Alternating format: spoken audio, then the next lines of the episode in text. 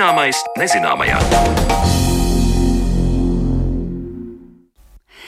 Labdien! Savu skanējumu sāk raidījums Zināmais nezināmajā pie mikrofona Mariona Baltkalne, producente Paula Gulbīnska. Šīs dienas raidījumā runāsim par to, kā zinātni var izmantot politiskām cīņām, un vēl vairāk, kā zinātne kļūst par aizsagu interesēm ģeopolitikā. Šķiet, šis stāsts nav nekas jauns, jo arī pagājušajā gadsimtā valstis sacentās par atklājumiem kosmosā, bet lielā mērā tas palīdzēja spodrināt arī varas spalvas. Šoreiz noskaidrosim, kā zinātniskiem nolūkiem ar resursu un izrakteņu iegūšanu un kā politiskām interesēm var kalpot tādi pasaules reģioni kā Arktika un Antarktika. Bet pirms tam atsvaidzināsim zināšanas ar mūsu arhīva stāstu par to, kādi derīgie izrakteņi atrodami jūras dzelzmē. Kārojot iegūt jaunus derīgos izrakteņus jūras dzīvēs, cilvēks var iznīcināt tur nesen atklātās jaunās sugas. Pieaugot rūpnieku interesē par dziļjūru krājumiem, pieaug arī bažas par retiem dzīvniekiem, kuri mīt hidrotermālo atveru zonās. Kādi derīgi ieži atrodas okeānā un kā notiktu to ieguve, klausieties Zanes Lāces Baltāksnes sižetā. Skatot uz neparastām dzīvotnēm, kas atrodas pāris kilometru dziļumā jūru un okeānu dzelmēs, tādas ir hidrotermālās atveres. Tās veidojas no karsta minerālu vielām bagāta jūras ūdens, kas izplūst no plaisām jūras dibenā un šajā saudabīgajā vidē, kur augstais ūdens mīs ar karsto, mīt arī neparasti dzīvnieki. Pāris metru gari cauruļveida tārpi, dzelkšņiem klāti gliemeži, bezacainas garneles. Taču šo radījumu dzīvotnes var tikt apdraudētas, palielinoties rūpnieku interesē par derīgajiem izrakteņiem, kas atrodas šīs ūdens pasaules dzīvēs.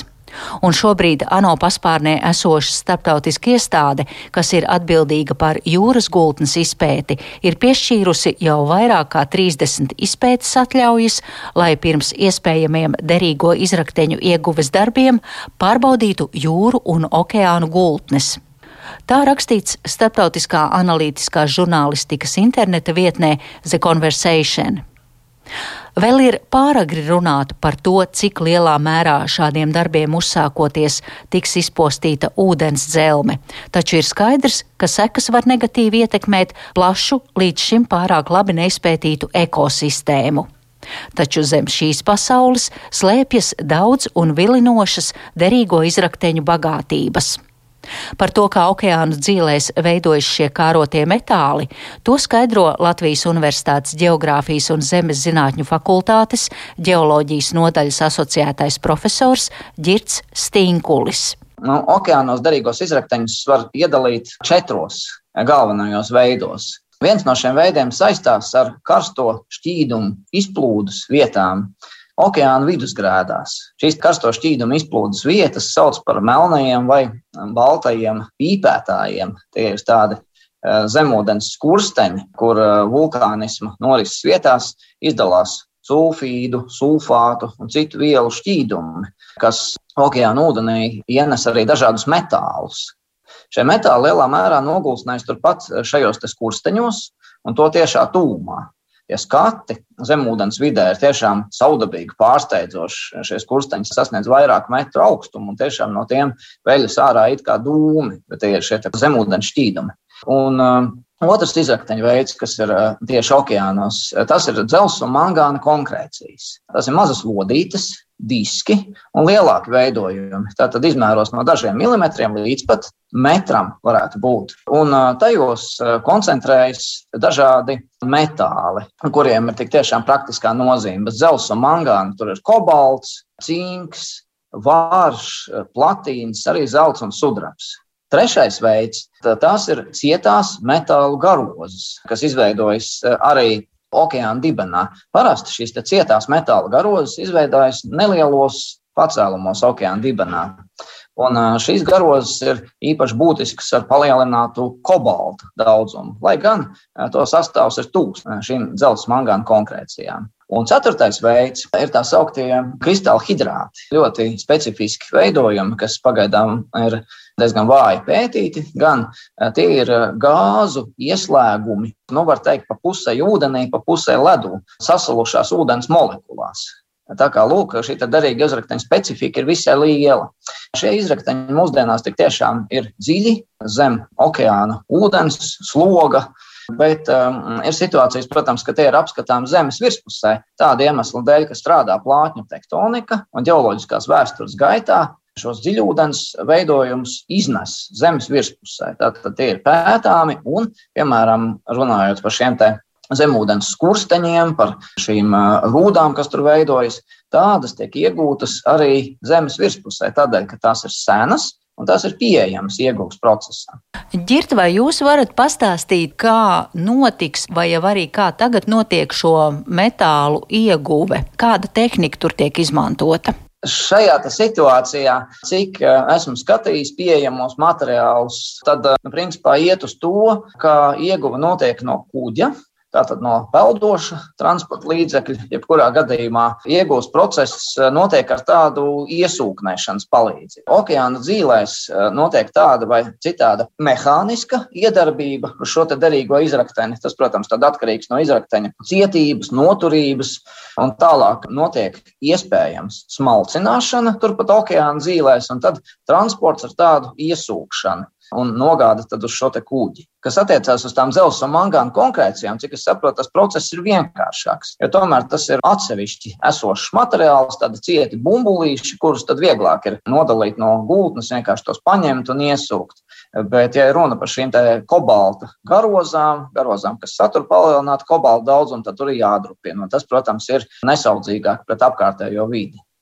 It kā jau šķiet, Nu, labi, kas tur tāds notiek? Ja? Pagrābjot turbūt šādus cietus bumbulīšus no okeāna dibena, aiztransportējot tos līdz, līdz tam kuģim, nu, nekas jau īsti tur tāds nav. Bet, nu, protams, šī vide okeāna dzīvēs ir ļoti trausla. Šī vide ir ļoti mierīga, un līdz ar to arī tie organismi, kas tur ir, ir pielāgojušies šai ārkārtīgi mierīgajai videi. Sevišķi dzīvība kūsā ap šīm hidrotermālo šķīdumu izplūdes vietām okeāna vidusgrādās. Tur ir raksturīgi milzīga, ļoti liela sugu daudzveidība. Dažādiem organismiem patīk šī apkārtne. Un, protams, ka to vide tiek traucēta un šie organismi tiek iznīcināti.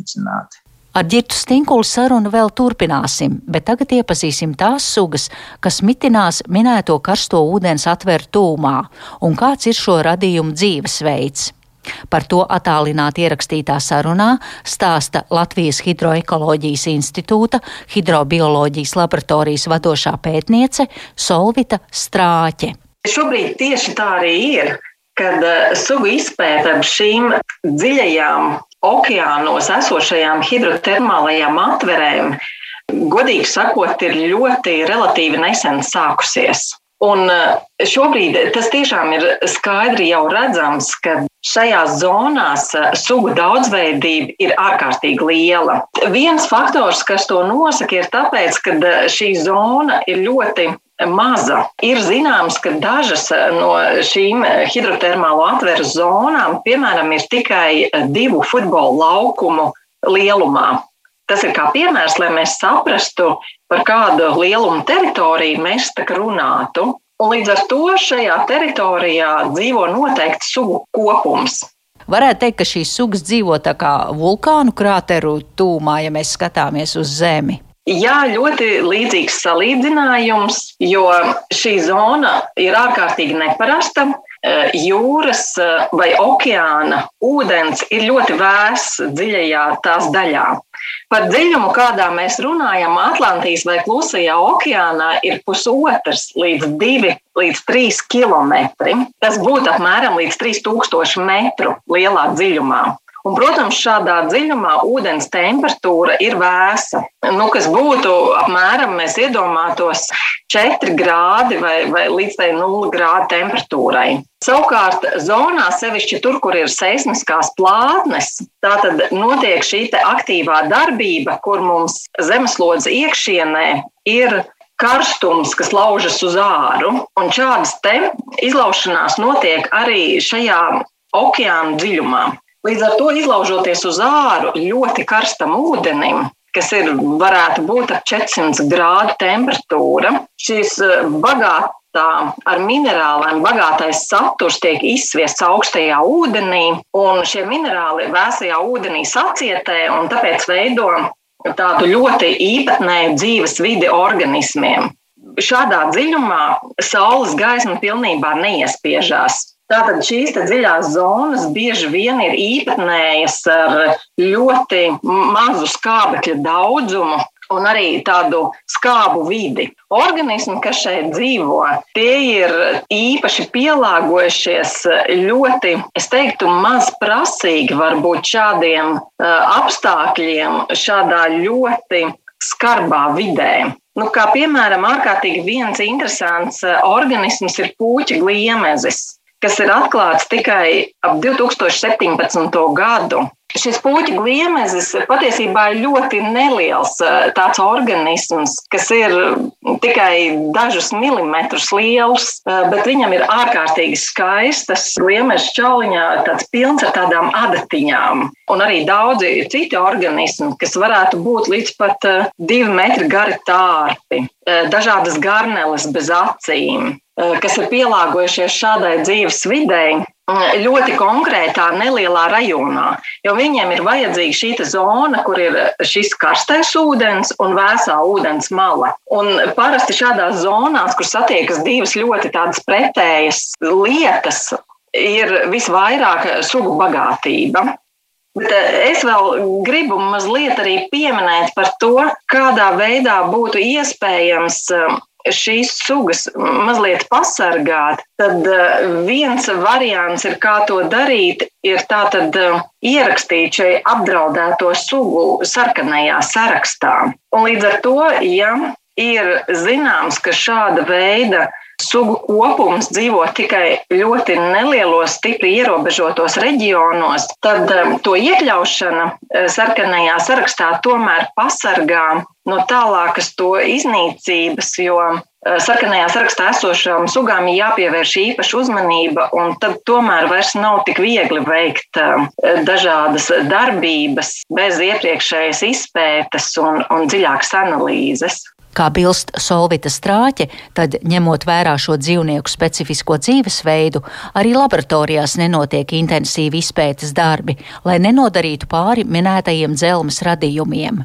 Bet runa nav tikai par dzīvnieku un apkārtējās vidas negatīvo ietekmēšanu cilvēka darbības rezultātā, bet arī okeāna ūdeņi varētu tikt sajaukti. Par to turpina Girts Stīnkulis. Vēl viens moments ir tas, ka pagaidām neviens nezina. Nav jau bijuši šādi lieli izmēģinājumi, kas notiek ar pašiem okeāna ūdeņiem, ar to teiksim, tā, ķīmiskā sastāvā īpatnībām, blīvuma, termālā režīma, oksidācijas, reducēšanās pakāpes izmaiņām. Jo arī šajā ziņā tā vide ir ļoti trausla. Ne tikai dzīvie organismi, bet šī te, nu, tāda fizikāla, ķīmiskā vide. Jo um, okeāna dibenā varbūt pieņemsim samazināts skābekļa daudzums. Noteikts blīvums ir šim ūdenim, bet ja cilvēks sāks tur jaukt, varbūt rodas kaut kādas plūsmas, kaut kāda vielu sajaukšanās, kas slikti ietekmēs vispār okeānu kā tādu. Nu, varbūt arī ūdens plūsmas okeānā. Tā kā tur ir arī ļoti daudz nezināmā, bet katrā ziņā nekas īpaši labs tas nav derīgo izrakteņu ieguves jomā. Vienmēr tas ir kompromiss starp labumu saimniecībai un cilvēkam, pretstatā ietekmei uz apkārtējo vidi. Neviena derīgo izrakteņu ieguve nav draudzīga apkārtējai videi. Vai nu tiek izrakņāta zeme, vai vairāk vai mazāk radīta kaut kāda ietekme uz ūdeni, gaisu.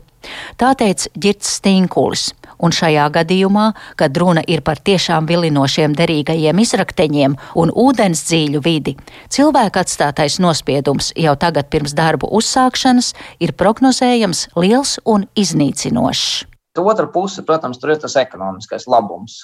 Un šie okeāna dzīvēs esošie derīgie izrakteņi ir patiesi vērtīgi. Sevišķi šīs kobaltu saturošās garozes, Kobalts, piemēram, ir Eiropas Savienības eh, kritiskā izēviela, kuras eh, nav praktiski Eiropas Savienībā. Tā ir jāimportē bieži vien no valstīm, no zemēm, kur ir tāda nestabila kopumā situācija, neprognozējama. Un eh, tāpat arī šis augstais mangāna saturs, platīns, vārš, citi vērtīgie metāli.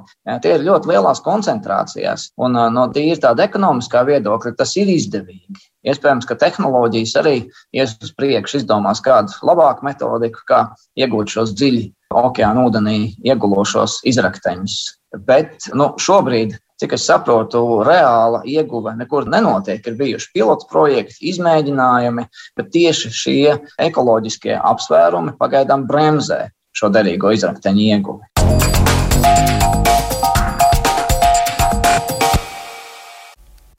Dzirdējām mūsu arhīva stāstu par derīgajiem izrakteņiem jūrā, par to paldies Zanai Lācei Baltāksnei, bet par to, vai arī polārie reģioni rada interesi derīgo izrakteņu un citu resursu iegūšanā, sarunā pēc brīža.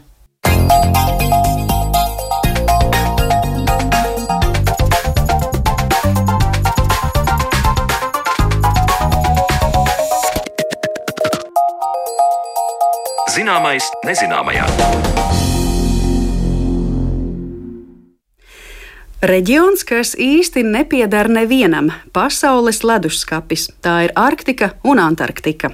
Politikas eksperti brīdina, ka Ķīnas intereses polārajos reģionos pieaug, un dažkārt tās tiek slēptas zem zinātnes aizsega. Kādus resursus sniedz polārie apgabali, ko tur drīkst un nedrīkst darīt, un kuras valstis tur kāro izvērst savu darbību? Šos jautājumus uzdošu mūsu šīs dienas sarunu biedriem, un es sveicu studijā Latvijas ārpolitikas institūta pētnieku, bijušo diplomātu Gintu Jegermani. Labdien! Labdien! Un telefoniski mums pievienojas polārpētnieks Latvijas Universitātes Geogrāfijas un Zemes zinātņu fakultātes asociētais profesors Kristaps Lamsters. Labdien! Labdien! Kristapa, es vispirms vēršos pie jums kā cilvēka ar pieredzi polārpētniecībā, lai saprastu, kādas tad ir starpvalstu attiecības pētnieku vidū. Kā tiek organizēta un cik veiksmīgi tiek organizēta sadarbība polārajos reģionos jūsu gadījumā?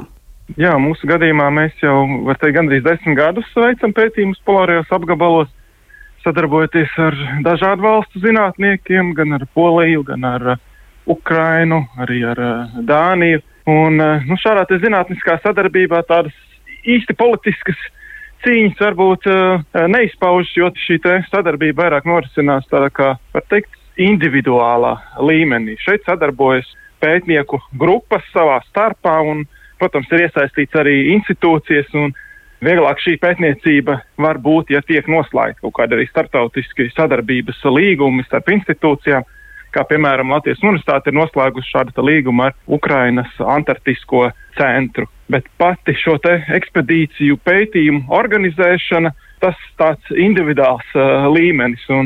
Tādēļ arī, protams, rodas zināmas problēmas, jo cik ilgi tad individuālā līmenī zinātnieki var sadarboties, ir sarežģīti šo ilgtermiņa sadarbību izvērst. Tādēļ šādu polāro pētījumu jomā ir diezgan svarīgi šīs starpvalstu attiecības, lai būtu arī starpvalstu līgumi, starpvalstu sadarbība, starpvalstu pētniecības eh, programma. Tad eh, cik teiksim, lielā mērā tas, ko jūs šobrīd darāt, ir individuāli no Latvijas puses, un eh, cik daudz ir tas, ko jūs darat kopā ar Poliju, Ukrainu, vai arī jūs visu darāt kopā un vienojaties par šiem mērķiem? Jā, tas arī tāds sarežģīts, protams, jautājums, kā nu kurā apgabalā un ekspedīcijā, jo mūsu zinātnieku grupā ir tie savi mērķi, savas iekārtas, savas iespējas kaut ko pētīt un attīstīt atkal citi zinātnieki attiecīgās polāras stācijās varbūt veids kādu cita veida pētījumus. Un tad, eh, protams, vienu reizi aizbraukt uz šo polāru staciju un īstenot tos savus pētījumus ir eh, vienkārši. Bet atkal, ja mēs vēlamies tos pētījumus turpināt ilgtermiņā, tad atkal rodas sarežģījumi. Ne, jo attiecīgās zinātniskās stācija varbūt tās darbojās kādā citā pētījuma jomā un vēlas to jomu izvērst. Tādēļ visu laiku ir tāda dilemma un daudz kas šos procesus uh, sarežģīja. Nu, tādēļ šī polārā pētniecība nu, faktiski būtu attīstāma tādā valsts uh, nacionālā līmenī, kas ļautu izvērst ilgtermiņa uh, pētījumus polāros apgabalos. Vai tas arī pamato to, kāpēc Latvijai būtu nepieciešama sava polārā stacija, ka tas dod tādu bāzes iespēju, ka mēs paši esam saimnieki un varam arī kaut ko paši darīt? Jā, protams, sava polārā stacija tas nozīmē, ka neviena cita valsts mums nevar diktēt savus zinātniskos vai ģeopolitiskos noteikumus. Un tāda bāzes stacija ir iespēja tātad šos ilgtermiņa pētījumus tur izvērst. Tad nav tā, ka mums ir katru reizi jādomā, uz kuru vietu mēs dosimies, ko mēs attiecīgi pētīsim, kas mūs attiecīgi finansēs. Tāds pirmais solis ir katrai valstī, kas vēlas nodarboties ar polāro pētniecību, tātad izstrādāt polāru pētījumu programmu. Tad atkal pievienoties attiecīgām institūcijām un, protams, arī mēģināt uzbūvēt, uz, uzturēt šo polāru staciju. Ja mēs runājam piemēram par Antarktiku, kur arī Latvijai noteikti varētu būt savas intereses, tad tas pirmais solis ir pievienoties Antarktikas līgumam. Un, diemžēl Latvijā īsti nekāda būtiska virzība uz priekšu nav notikusi. Mēs esam ar vairākām ministrijām arī runājuši, tā skaitā ar izglītības un zinātnes ministriju, bet, diemžēl, laikam tomēr visi ierēģi nesaredz šo vajadzību tam pievienoties. Kas šo procesu varētu veiksmīgāk pavirzīt uz priekšu? Nu, mēs esam runājuši, kā minēja, ar izglītības zinātnes ministriju, bet tas, ko mēs panācām, ir, ka ierēģi izteicās, tātad, ka šis jautājums tiks nolikts uh, pašā saraksta beigās, un varbūt pēc 20 gadiem būs iespēja tam pieķerties. Tā ka nu, šobrīd es īsti neredzu no mūsu ministrijām, ka būtu tāda interese vai pat spēja varbūt uzņemties, apņemties kaut ko šādu īstenot. Visbeidzot, es gribēju jums jautāt, eh, mēs pēc brīža ar otru studijas viesi runāsim arī par lielvalstu interesēm, arī politiskajām interesēm šajos polārajos reģionos, kas dažkārt var būt eh, slēptas aiz zinātnes aizsega. Bet arī jūs minējāt, ka Antarktikā Latvijai varētu būt eh, savas intereses. Attiecībā uz ko tai varētu būt intereses, un tad mēs varbūt arī varam savilkt paralēles, uz ko tad citām iespējams lielvalstīm šajās vietās, Arktikā, Antarktikā, ir intereses tādā zinātniskā līmenī?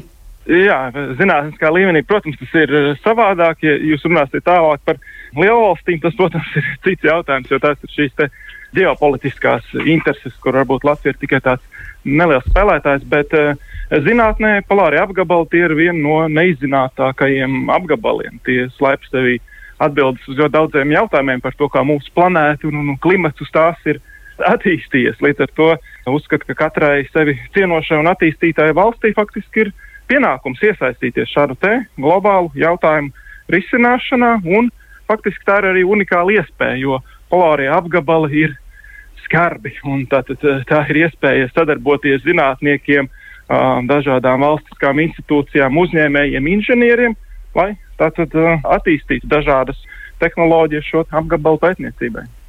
Kristapē, es saku paldies jums par sarunu un vēlu veiksmi un panākumus jūsu tālākajās ekspedīcijās un noteikti izdošanos arī šajās sarunās, sarunu vešanā ar eh, iestādēm, ierēģiem par starptautiskiem līgumiem, lai tad Latvija tam varētu arī pievienoties.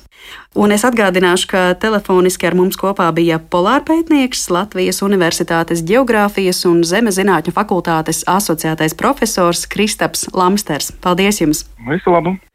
Un mēs turpinām sarunu studijā ar Gintu Jegermani. Tas, ko es jums gribētu atkal vaicāt, es šeit mūsu sarunas iesākumā pieteicu, ka Arktika, Antarktika tas ir reģions, kas īsti nepieder nevienam. Bet es tomēr gribētu precizēt, kāds ir šo polāro teritoriju tiesiskais status. It kā jā, nevienam nepieder, bet mēs zinām, ka šajos reģionos darbību izvērš kādas tuvējās valstis, nu, piemēram, Norvēģija, Svalbārā. Kam tad īsti ir tā lielā ķepa uz polārajiem reģioniem? Nu, tur tas jautājums ir pietiekami sarežģīts, bet teiksim tā.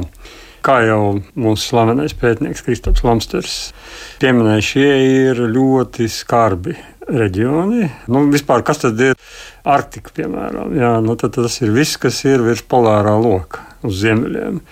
Tās ir diezgan lielas teritorijas, bet tur dzīvo tikai 4 miljoni iedzīvotāji. Līdz tam ir jāatcerās arī tas, ka tur dzīvo arī pirmie dzīvotāji, proti, tautas, kas tur ir uzturējušās jau ļoti, ļoti sen, kas ir izkopušas uh, savu dzīvesveidu, savu saimniecisko darbību, kultūru un uh, tagad šajos jaunajos apstākļos, kas ir faktiski pēdējais gadsimts, kad ledus ir sācis kust uh, ļoti strauji, klimats rāda zobus un uh, tur parādās visādas nepatikšanas. Lūk, ja mēs runājam par Norvēģiju un Svalbāru, tad ir jāatkāpjas vēsturē, jo šī ir Norvēģijas teritorija.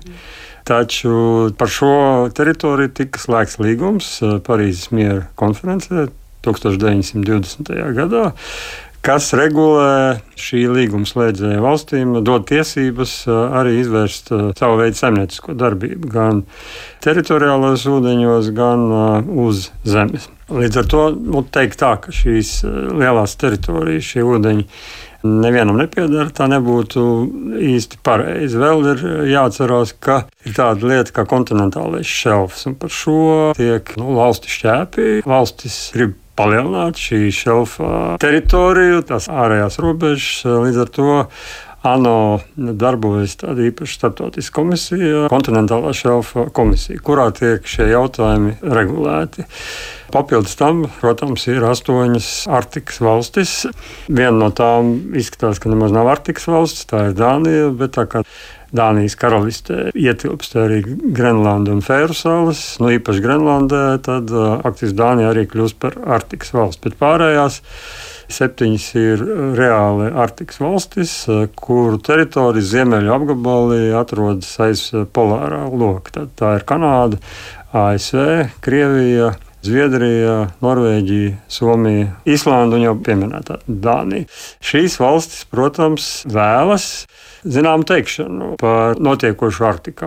Tur ir diezgan garš stāsts. Bet uh, atgriežoties pie starptautiskās dimensijas, ir jāpiemina arī tāda lieta kā ANO jūras tiesību konvencija, kas tika parakstīta 1982. gadā. Un šī konvencija regulē nu, faktiski visu, ko var regulēt. Tā ir kuģu satiksme, ja kaut kas notiek avārijās, ja vajag kaut kur piestāt. Nu, tas jautājumu lokus ir milzīgi plašs līdz ar to. Ja jūs jautājat Arktikas valstīm, un īpaši Norvēģija šajā ziņā ir ļoti jūtīga, ja kāds izrāda par norisēm Arktikā, tad atbilde vienmēr būs šīs teritorijas ir labi regulētas un labi pārvaldītas. Vēl, ja mēs pieskaramies pie pārvaldības, ko būtu vērts pieminēt, jāatgriežas varbūt nedaudz vēsturē, jo augstākā kara gados, tātad līdz Padomu Savienības sabrukumam pēc otrā pasaules kara, faktiski nu, nekāda īsta sadarbība starp šīm divām lielajām, savā ziņā naidīgajām sistēmām, no vienas puses padomju bloks, no otras puses rietumvalsts, nepastāvēja. Pēc Padomu Savienības sabrukuma radās jauni apstākļi, kad eh, piepieši varēja šī sadarbība veidoties, kas notika arī uz klimata pārmaiņu fona. Tātad 1996. gadā Otavā tika parakstīta deklarācija un izveidota tā sauktā Arktikas padome. Tas ir, šī ir organizācija, kurā ietilpst gan šīs astoņas Arktikas valstis, bet tajā ir arī seši pastāvīgie dalībnieki, jeb pirmie dzīvotāju organizācijas, kuras savā ziņā tiek uzskatīts kā līdztiesīgs šajā organizācijā. Bez viņu ziņas nekas nevar notikt. Un varētu domāt, ka tā ir politiska organizācija. Tā, tā pašā laikā politikas tur ir salīdzinoši maz. Šī platforma dod iespēju zinātniekiem, pētniekiem nodarboties, sadarboties jautājumos, kas uh, skar Arktikas attīstību. Vai nu tas būtu ilgspējīga attīstība, vai bioloģiskā daudzveidība, vai glābšanas darbi, ja nu gadījumā notiek kāda katastrofa katastrofa un citas lietas. Līdz ar to šeit varētu runāt ilgi un dikti par to, kāds ir tas konteksts, bet, protams, pēdējie 20 gadi ir parādījuši, ka, lai gan izveidojot Arktikas padomi, un arī vēl ilgi es pats biju vēstnieks Dānijā, Zviedrijā, dzirdēju, ka mūsu ziemeļvalstu kolēģi teica, ka šis ir reģions, kur ir iespējama sadarbība, lai gan ir kaut kādas arī politiskās pretrunas, bet, nu, zinātniski mēs varam, jo, lūk, bez teiksim, šīs sadarbības īsti to notiekošo Arktikā nevar saprast. Tāpēc eh, šī ir zinātniem ļoti svarīga platforma. Mm. Jā, nu savēlkot to kopā, izskatās, ka ir ļoti daudz dažādu regulējumu institūciju, kas, teiksim tā, tur rūpi par šo Arktiku, bet interesanti, ka jūs minat, ka ap šo Arktikas reģionu ir astoņas valstis, bet, nu, tāda karognesēja tad ir un paliek Norvēģija. Ja? Nē, nu, es Norvēģiju šajā gadījumā izcēlu, tāpēc, ka mums arī Latvijas vēsturē ir bijis nesens gadījums, kur radās zināmas pretrunas, tāpēc, ka kuģniecības uzņēmums īsti nesaprata kā uzvesties Norvēģijas teritoriālajos ūdeņos, bet Norvēģijas tikai pieminēja, tāpēc, ka viņi īpaši to uzsver. Bet eh, nē, visas šīs valstis gādā gan par savām interesēm, gan viņas kolektīvi mēģina pieskatīt un, zināmā mērā, būt līderi arktiskajos apgabalos. Nu, pārsvarā tur ir ūdeņi. Mm.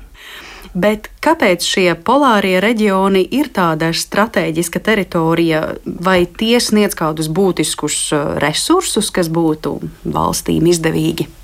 No šeit ir arī ļoti daudz jautājumu. Tur ir gan militārais aspekts, ja kūst ledus, un viņš kūst patiešām, tad, nu, piemēram, Kolas pussalā un Krievijas ziemeļos ir koncentrēti milzīgi Krievijas strateģiskie spēki. Tātad kodola zemūdens. Nu, pat pirms dažām nedēļām no Krievijas vidienas uz Kolas pussalu ir pārcelti 16 strateģiskie bumbvedēji, kur mums atkal parādās Ukraina, tāpēc ka kara dēļ Ukrainā šie strateģiskie bumbvedēji no Krievijas vidienas tiek pārcelti, jo tur tika veikti uzbrukumi šīm teritorijām. Tagad Krievija no arktiskajiem reģioniem faktiski var veikt uzbrukumus Ukrainai ar šīm kaujas lidmašīnām. Tā kā tas ir viens, otrs, nu, kā jau teicu, kūst ledus, tad zemūdens nevar tik viegli paslēpties. Tad Mormānskas apkaimē ir milzīga Krievijas flote flote, Ziemeļa flote, un, kā jau teicu, tur ir kodola zemūdens. Un, ja mēs skatāmies uz karti, tad, lai Krievija izkļūtu no saviem ziemeļrietumu reģioniem, Tad ir tikai divas iespējas. Viens ir, ja mēs runājam par jūras ceļiem, tad tā ir Baltijas jūra, proti, Erezuns, tātad tas šaurums pie Dānijas un Zviedrijas krastiem ir kritiski svarīgs. Un otra lieta ir pa Bārens jūru, Norvēģi jūru. Lai iekļūtu Atlantijas okeānā, tad ir jāšķērso tā saucamais GIUK, angliski, proti, Grenlanda, Islanda, Lielbritānija, Sprauga vai GAP, angliski saka GIUK GAP. Tātad tie ūdeņi, kas ir starp Norvēģiju, Islandi un Grenlandi, nu, tie ir Krievijai ārkārtīgi sarežģīti. Un tagad jaunajos saspīlētajos apstākļos nu, šie jautājumi ar vien vairāk nodarbina gan NATO, gan arī, protams, Krieviju. Lai gan mēdz teikt, ka Krievija bija spiest koncentrēt visu savu uzmanību Ukrainai, uzbrukumam Ukrainai, tai pašā laikā nu, ir pietiekami daudz visādu notikumu, kas liecina, ka Krievija nemaz netaisās aizmirst eh, par Kolas pussalu. Un jau pieminētie strateģiskie bumbardēji tikai viena liecība. Vēl ir tāda lieta kā kuģošana. Proti, ja, un šobrīd tas ir tikai jā, ja kļūs pieejama šī jaunā Ziemeļjūras kuģošanas ceļš jaunais, kas ved no Karas jūras uz Beringa jūru. Tātad Ķīna, piemēram, kuras nu, tirzniecība, 90% no tirzniecības ir pa jūras ceļiem varēs uz pusi samazināt tos tirdzniecības ceļus, lai nokļūtu arī kaut kur turpat Eiropā. Šī distance krietni samazināsies. Un ir neskaitām daudz citu jautājumu. Jā, es saprotu, ka runa varētu būt arī par zivju ieguvi un arī potenciālo derīgo izrakteņu ieguvi, tostarp naftas, redzamju metāli Vai tas arī ir aktuāli? Nu, pilnīgi viennozīmīgi. Šie reģioni ir diezgan bagāti ar visiem šiem labumiem. Nu, tā tā nelaime ir tā, ka tiem piekļūt ir grūti. To iegūšana varētu izmaksāt šobrīd nesamērīgi dārgi, bet nu, ar laiku, varbūt klimatam mainoties, to varēs darīt vieglāk. Bet tam līdzi nāk daudzi citi sarežģījumi. Nu, piemēram, tāda vieta kā Grenlanda, kur pilnīgi noteikti ir bagāta ar visu kaut ko, milzīga teritorija kur dzīvo ļoti maz cilvēku, no, apmēram 50 tūkstoši. Nu, viņiem šo visu, protams, pārvaldīt eh, būtu sarežģīti. Un, ja, ja būtu iespējas sākt iegūt vai nu naftu vai kaut ko citu Grenlandē vai tās eh, tūmā, Nu, ir jautājums par klimata vai ekoloģisko katastrofu. Ja nu gadījumā kaut kas noiet greizi, tad nu, ir liels nepatikšanas. Tā pašā laikā pats atceros, kad biju vēstnieks Dānijā. Ķīna sāk izrādīt ļoti lielu interesi par derīgiem izraktiņiem Grenlandē, un tur bija runa par iespējamu alumīniju ieguves rūpnīcu. Nu, kā jau teicu, 50 tūkstoši iedzīvotāji. Kā to izdarīt? Nu, ķīnieši teica, mēs atvedīsim savus uh, cilvēkus un to visu darīsim. Tad, kad Grenlandieši saprata, ka vienā vietā piepieši varētu uzrasties, apdzīvot vietu, kur mitinātos vismaz 2000 ķīniešu. Nu, viņi diezgan pamatīgi sabijās. Bet uh, pieaugot lielvaru sacensībai, arī ASV pamodās. Un, uh, nu, pēdējos gados ir vērojama tāda tendence, ka visur, kur Ķīna ir mēģinājusi iesakņoties, vai dibināt kādus kopuzņēmumus, vai sadarboties arī zinātnē, šīs iespējas Ķīnai tiek uh, būtiski ierobežotas. Es tieši par šo arī gribēju jautāt, jo jūs minējāt jau šos militāros jautājumus un uh, Krievijas intereses, zemūdenes, bet vai visi tie regulējumi, noteikumi, ko jūs gana plaši aprakstījāt, vai tie tad stingri nenosaka, ko piemēram Krievija drīkstētu vai nedrīkstētu šajā arktiskajā apgabalā? Šobrīd ir tā, ka faktiski visa sadarbība, kas izveidojās pēc augstākā kara, gan Arktikas padomē, gan citos formātos, ar Krieviju ir vai nu pārtraukta, vai uz brīdi apturēta. Līdz ar to šobrīd ir tāda strateģiskā pauze iestājusies, un cik ilgi tā vilksies, nevaram pateikt. Bet, kā jau mēs redzam, Ukrainā Krievija ir spējīga diezgan pamatīgi graut starptautiskās tiesības, kad uh, Krievijai tas ir izdevīgi. Līdz ar to šobrīd runāt par kaut kādu stabilu situāciju arktiskajos reģionos būtu diezgan grūti. Šī uzticība ir pamatīgi sagrauta. Un, uh, nu, Krievija pati ir diezgan lielā ziepēs, jo, lai visu to arktisko infrastruktūru uzturētu un attīstītu, līdz šim lielā mērā Krievija balstījās arī uz rietumu investīcijām investīcijām, kas ir uh, šobrīd nu, neiespējams. Tāpēc parādās Ķīna kā jauns spēlētājs. Un, ja Krievija, nu, zināmā mērā, pret savām interesēm gribētu turpināt šo infrastruktūru un uh, derīgu izrakteņu ieguvi attīstīt, uh, nu, bez Ķīnas Krievija nekādā veidā neiztikt. Un te parādās būtiski jauna spriedze un sacensības starp Krieviju un Ķīnu no vienas puses un rietumiem no otras puses.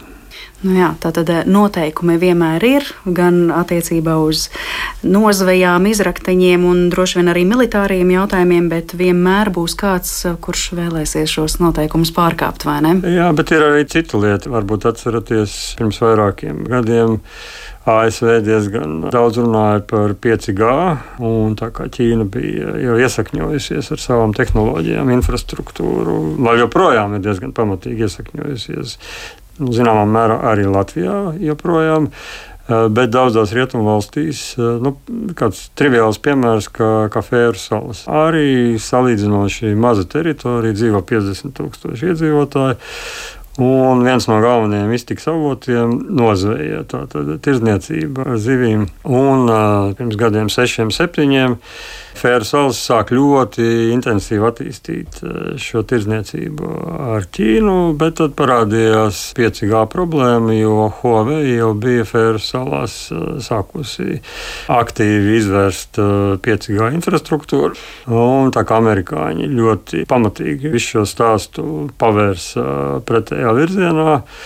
Tad uh, fēru salu tirdzniecība, zivju tirdzniecība ar Ķīnu teiksim, tā, 21. gadā faktiski sabruka. Tāpēc, ka ķīnieši, protams, atbildēja tā, kā viņi to dara, nekavējoties pārtrauca šo tirdzniecību. Un tie bija jau tajā brīdī Fēra salām, tie bija 7% no, no viņa ārējās tirdzniecības. Tā kā šeit ir neskaitām daudz uh, visādu aspektu, kas ietekmē valstu teritoriju ikdienu jaunajos apstākļos.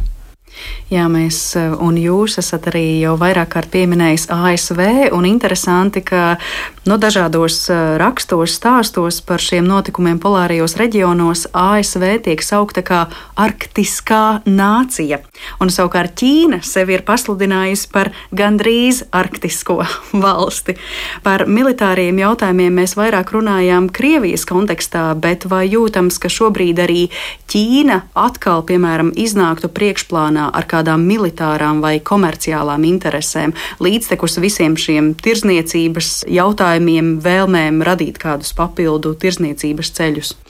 Es teiktu tā, ka Ķīna mēģina skatīties pilnīgi visos iespējamos virzienos. Šī ir valsts, nu, tā, tā ir komunistiska iekārta ar ļoti skaidru redzējumu par to, kādu pasaules kārtību tā grib veidot.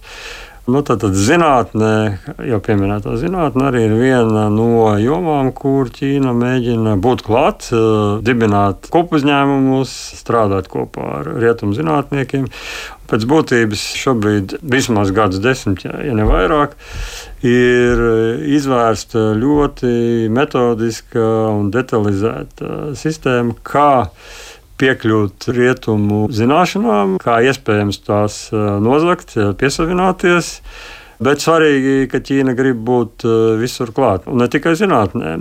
Ja parādās kādas ekonomiskās iespējas, tad eh, Ķīna neapšaubām tās nepalaidīs garām. Un, nu, pavisam nesen, pirms dažām nedēļām, Krievijas FSB, Federālais drošības dienests, parakstīja vienošanos ar Ķīnu par robežu sardzes sadarbību Kolas Murmanskas apkaimē. Respektīvi, ķīnieši arī šajā ziņā nāk iekšā un nu, kopā ar Krieviju katram varbūt mazliet atšķirīgas šīs intereses, bet tas, kas abām valstīm sakrīt, Viņi grib pārtraukt no nu, tā saucamo rietumvalstu dominanci, mm. mainīt šo kārtību. Pēc augstā kara izveidojās tāda vienpolārā sistēma, ASV hegemonija lielā mērā. Tad šobrīd nu, šīs divas valstis visu laiku runā par daudzpolāro sistēmu un mēģina drupināt rietumu ietekmi. Mm. Ir arī jūtams, ka ļoti skaidri kaut kādā veidā Ķīna izmanto šo zinātnes aizsegu un ārēji to pasniedz ar tādiem labiem nodomiem. Nē, nē, nē, mēs šeit esam, bet mēs patiesībā gribam darīt to un to, un tas zinātnē nāks par labu. Nu, neapšaubām, mums nu pat ir pilnīgi svaigs gadījums Rīgā bērnu. Kliniskās par... universitātes slimnīcā? Jā, jā, nu taču milzīgais ziedojums 2,8 miljoni, kas var šķist pilnīgi nevainīgi, taču neapšaubāmi, ka, ka Ķīna centīsies pretēji tam, ko viņi teiks, ka visi dati paliks Latvijā un tam līdzīgi.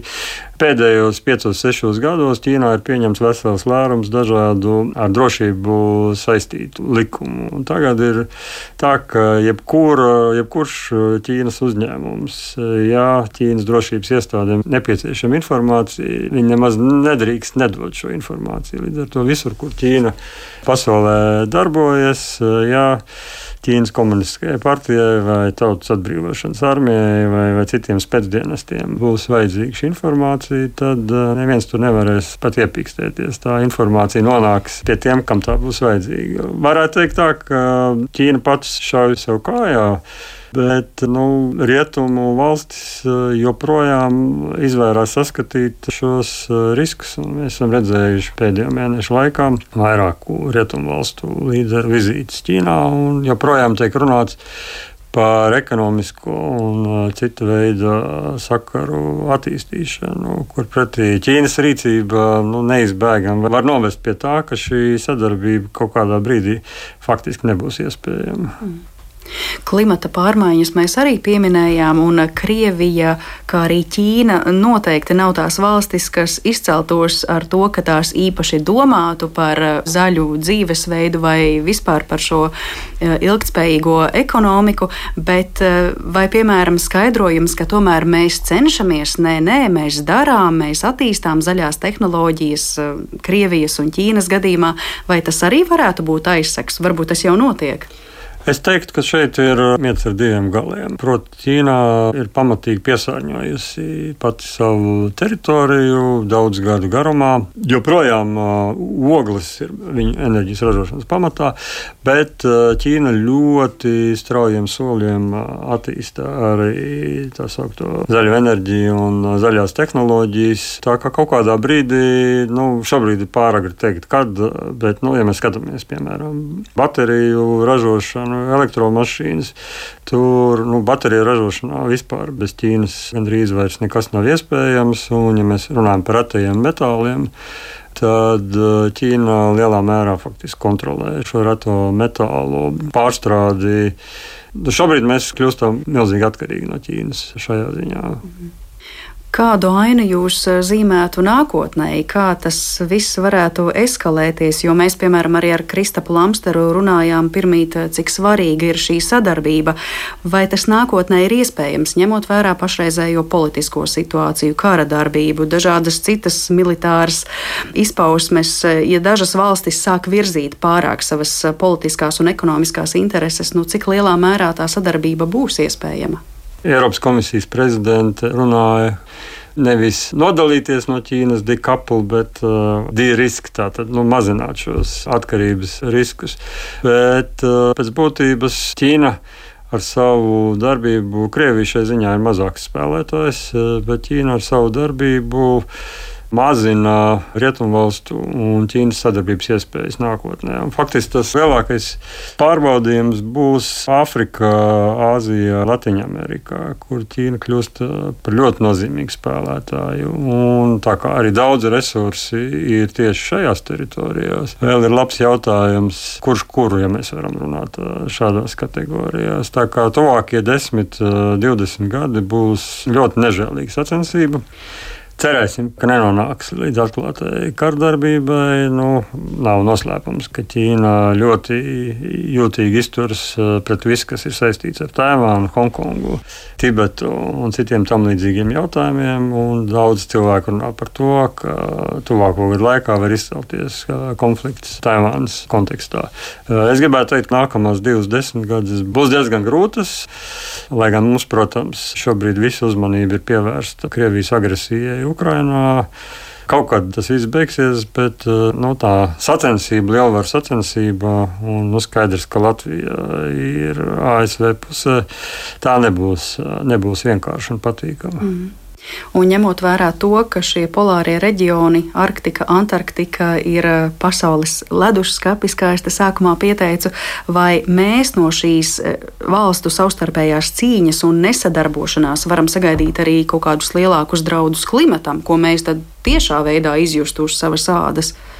Nu, mēs jau izjūtam mm. uz savu otrādi. Viss, kas tiek pastrādāts ārpus šiem leduskapiem, nāk atpakaļ. Un, nu, ledus kust un klimata pārmaiņas, teiksim, Arktikā. Daži saka, notiek divreiz straujāk, daži saka, trīsreiz straujāk nekā citur. Tas rada nu, ļoti liels izaicinājums globāli. Nu, redzēsim, pie kādiem risinājumiem mēs nonāksim. Šobrīd ir skaidrs, ka šī sadarbība ir ārkārtīgi ierobežota un kļūst ar vien grūtāka. Jā. Kas gan to būtu domājis, ka par šiem polāriem reģioniem, kuros it kā ir tikai ledus, ja mēs eh, nonāksim līdz eh, šādai sarunai un par Arktiku un Antarktiku runājam kā par vietām, kur ir cīņa par zivīm, izrakteņiem, eh, varu, militārām izpausmēm un ko tik vēl ne. Tā kā, nu, cerams, tas tiešām risināsies mierīgi un tas nerisinās mierīgi, bet cerams, tas nonāks pie vislabākā vēlamā rezultāta. Lielas paldies jums par to, ka izvedāt eh, cauri mūsu šiem eh, ekoloģiskajiem, politiskajiem, militārajiem līkločiem. Es uh, saku paldies par sarunu mūsu šīs dienas viesim sarunas otrajā daļā. Un tas bija Latvijas ārpolitikas institūta pētnieks, arī bijušais diplomāts Gins Jegermanis. Paldies! Un par šo raidījumu gādāja producente Paula Gulbīnska, par mūziku parūpējās Girds Bišs, skaņu režijā bija Kristīna Delle un Mariona Baltkalne pie mikrofona. Lai patīkama diena un visu labu!